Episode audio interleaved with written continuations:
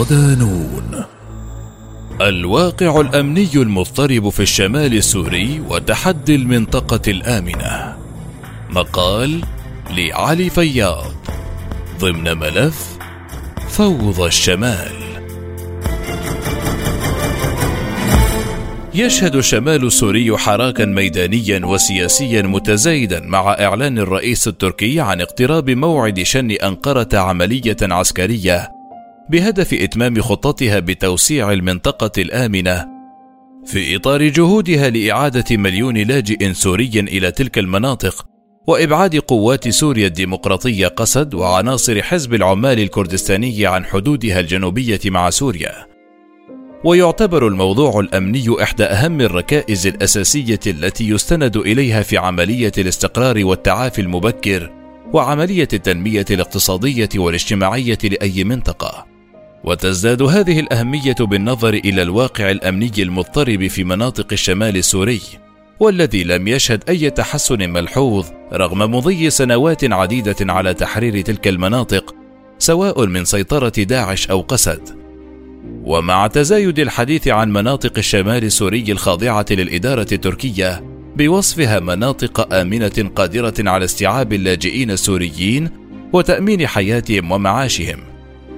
خصصنا هذه المادة للوقوف على الواقع الأمني في مناطق الشمال السوري الخاضعة لإدارة الحكومة السورية المؤقتة وتركيا، وفحص مدى صدقية هذه المقولة، في ضوء تقلبات تشهدها المنطقة قد تؤثر على مجريات المشهد السوري المتأزم.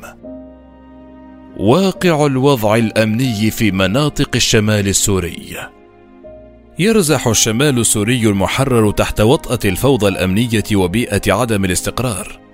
نتيجة التوترات الأمنية والاجتماعية التي تضرب تلك المناطق وسط احتكاكات مسلحة مستمرة بين الفصائل العسكرية في مختلف مناطق العمليات التركية درع الفرات وغصن الزيتون ونبع السلام.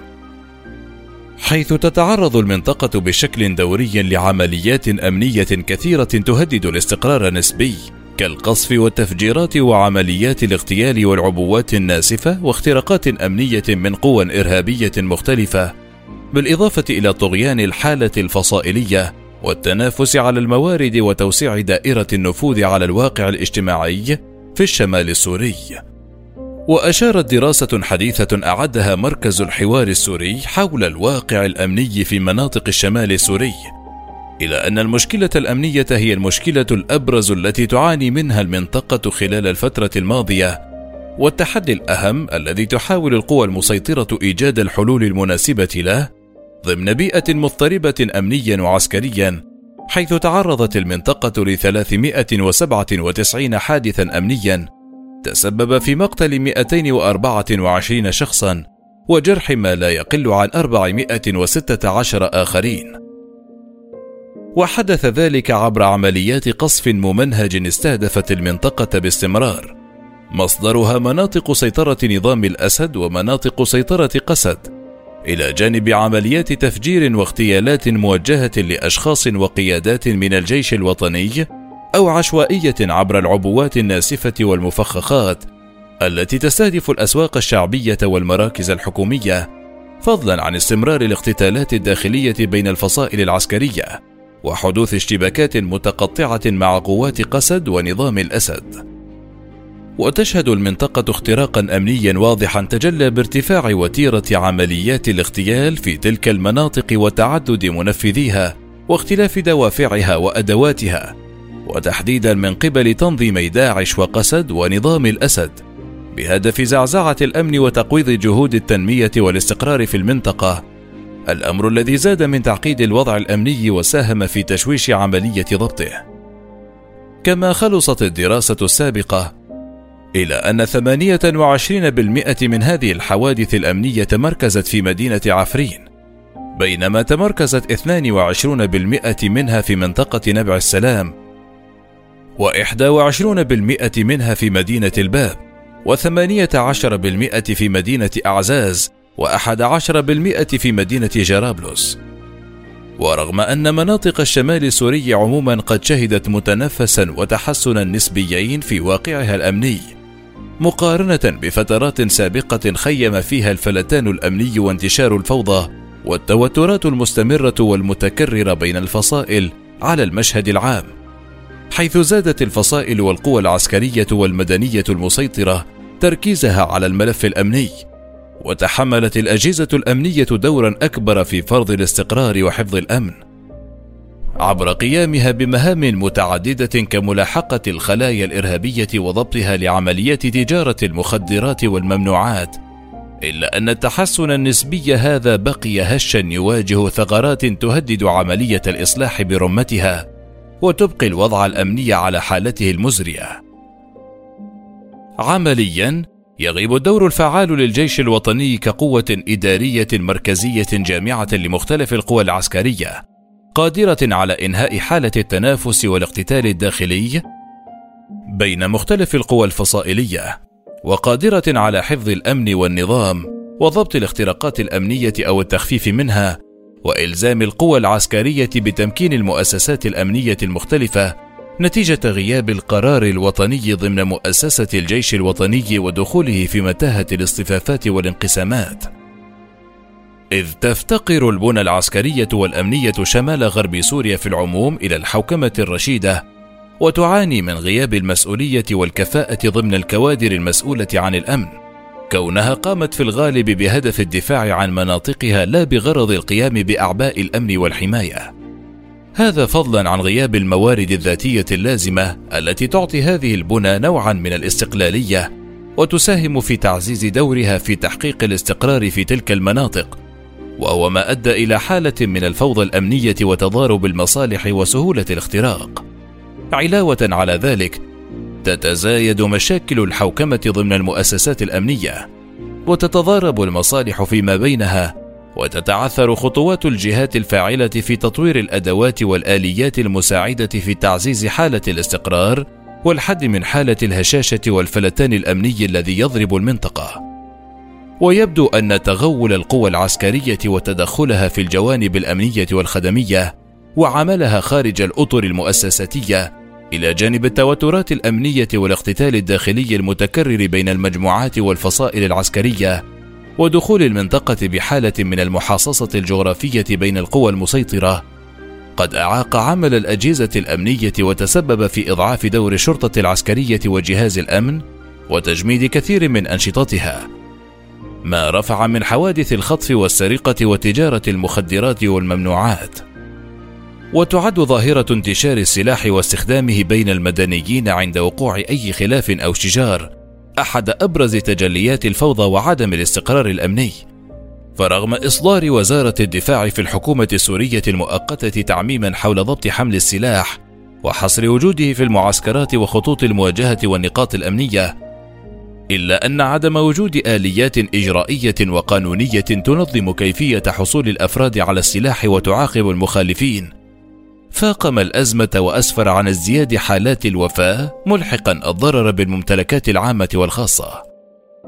وتبدو المشكلة الاقتصادية والإنسانية مرتبطة ارتباطا وثيقا بحالة التقهقر الأمني والإداري التي تعاني منها مناطق الشمال السوري.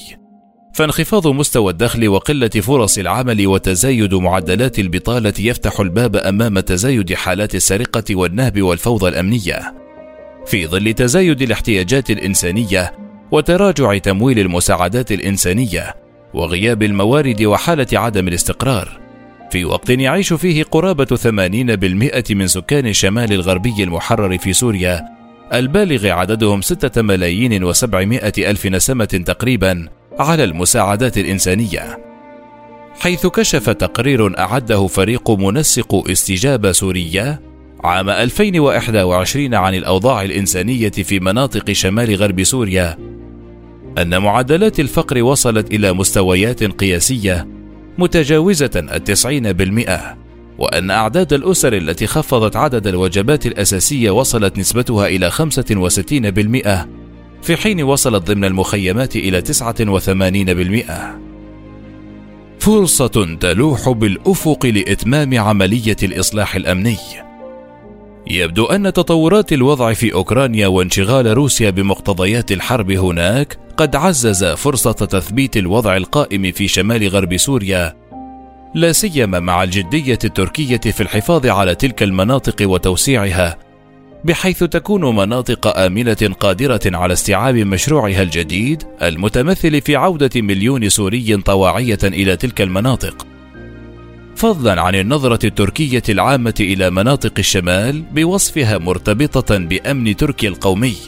وترى في وجودها عاملا مهما لإحباط المشاريع الإرهابية التي قد تهدد أمن تركيا ووجودها. وسط قبول دولي مبدئي أمريكي غربي لدور تركيا في الشمال السوري. ويعزز هذا فرص إحداث عملية إصلاحية شاملة لمؤسسات قوى الثورة والمعارضة. وتحديدا القطاع الأمني. نظرا إلى تأثير الحالة الأمنية على عملية التنمية الاقتصادية وسيادة القانون والحكم الرشيد ومشاريع التعافي المبكر التي بدأت ملامحها تظهر. ما يحمل المؤسسات السورية والإدارة التركية مسؤولية دعم عملية الإصلاح داخل الأجهزة الأمنية لتعزيز الاستقرار الدائم وتشجيع اللاجئين السوريين وأبناء المنطقة للبقاء فيها أو العودة إليها. وبالتالي تبرز الحاجة لتفعيل القرار السوري عبر دعم إدارة مركزية سورية يديرها السوريون بشكل كامل. مع تعميق التنسيق والتواصل مع الجانب التركي في كافة المجالات العسكرية والاقتصادية والأمنية والمدنية خاصة مع كثرة العوائق الإدارية التي تحول دون الوصول إلى تنسيق عالي المستوى بين الجانبين ما ساهم في توسيع دائرة الخروقات الأمنية في المنطقة. والتأكيد أيضا على ضرورة المسارعة في انتزاع الملف الأمني من يد الفصائل العسكرية وإعادة هيكلة الأجهزة الأمنية عبر إنشاء جهاز أمني موحد يعمل لصالح المنطقة كاملة. وإخضاع هذا الجهاز لسلطة قضائية وقانونية مدنية مدعومة شعبيا تمتلك نظام مساءلة ومراقبة. ولا بد من تفعيل دور منظمات المجتمع المدني وتوسيع هامش نشاطها وحركتها في المنطقة لما في ذلك من انعكاس مباشر إيجابي على عملية إصلاح ودعم القطاع الأمني.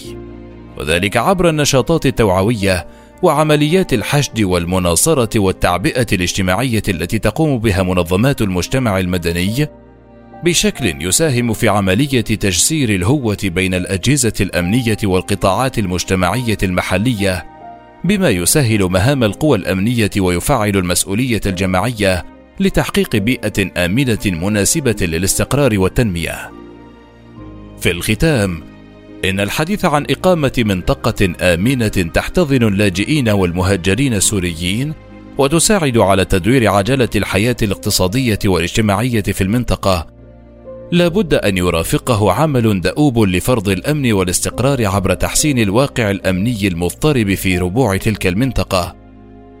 حيث إن مجرد تحرير المنطقة من تنظيمات إرهابية لا يعتبر إلا بداية الطريق ضمن مسار طويل للخروج من حالة عدم الاستقرار وتحقيق أركان المنطقة الآمنة.